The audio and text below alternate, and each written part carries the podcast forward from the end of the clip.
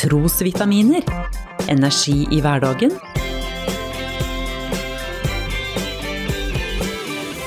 Ved Norea-pastor Svein Anton Hansen.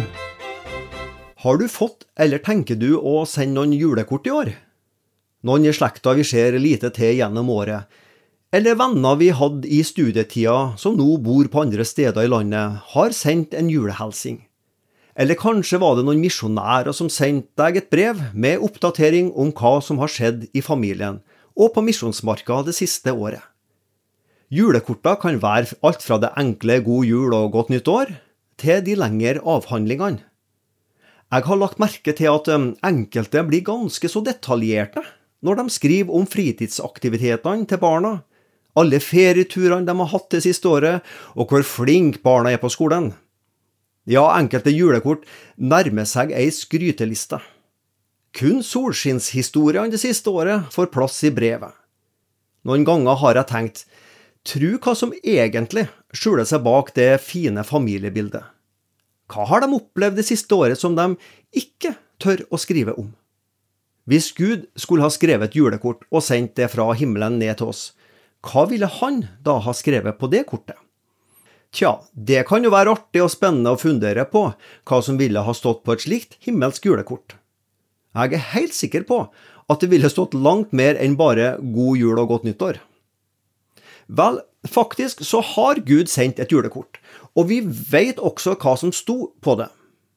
Julekortet ble sendt for 2000 år siden, og med tidenes mest spektakulære postbud, nemlig engler.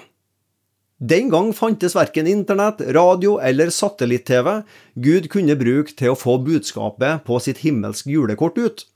Så han valgte å sende en engel som først høytidelig leste julehelsen opp for en gjeng med gjetere på marken utenfor den lille byen Betlehem i Israel. Men engelen sa til dem, Frykt ikke, for se, jeg forkynner dere en stor glede, en glede for alt folket. I dag er det født dere en frelser som er Messias, Herren i Davids by. Og dette skal dere ha til tegn. Dere skal finne et barn som er svøpt og ligger i en krybbe. Julehelsenen den ble først formidla til disse enkle og kanskje fattige gjeterne. Hilsenen var skrevet med guddommelig gullskrift og fremført av hvitkledde, skinnende, rene himmelske sendebud. På verdenshistoriens første julekort sto det ord om glede og fred, og om en nyfødt baby og en frelser.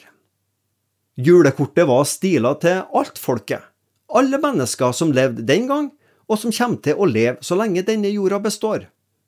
Fordi Gud er Gud, så kunne han skrive en solskinnshistorie av et julekort. Jeg er glad for at gjeterne ikke holdt innholdet i verdens første julekort for seg sjøl. Du har lyttet til Trosvitaminer med Norea-pastor Svein Anton Hansen. Du finner trosvitaminer på noreapastoren.no.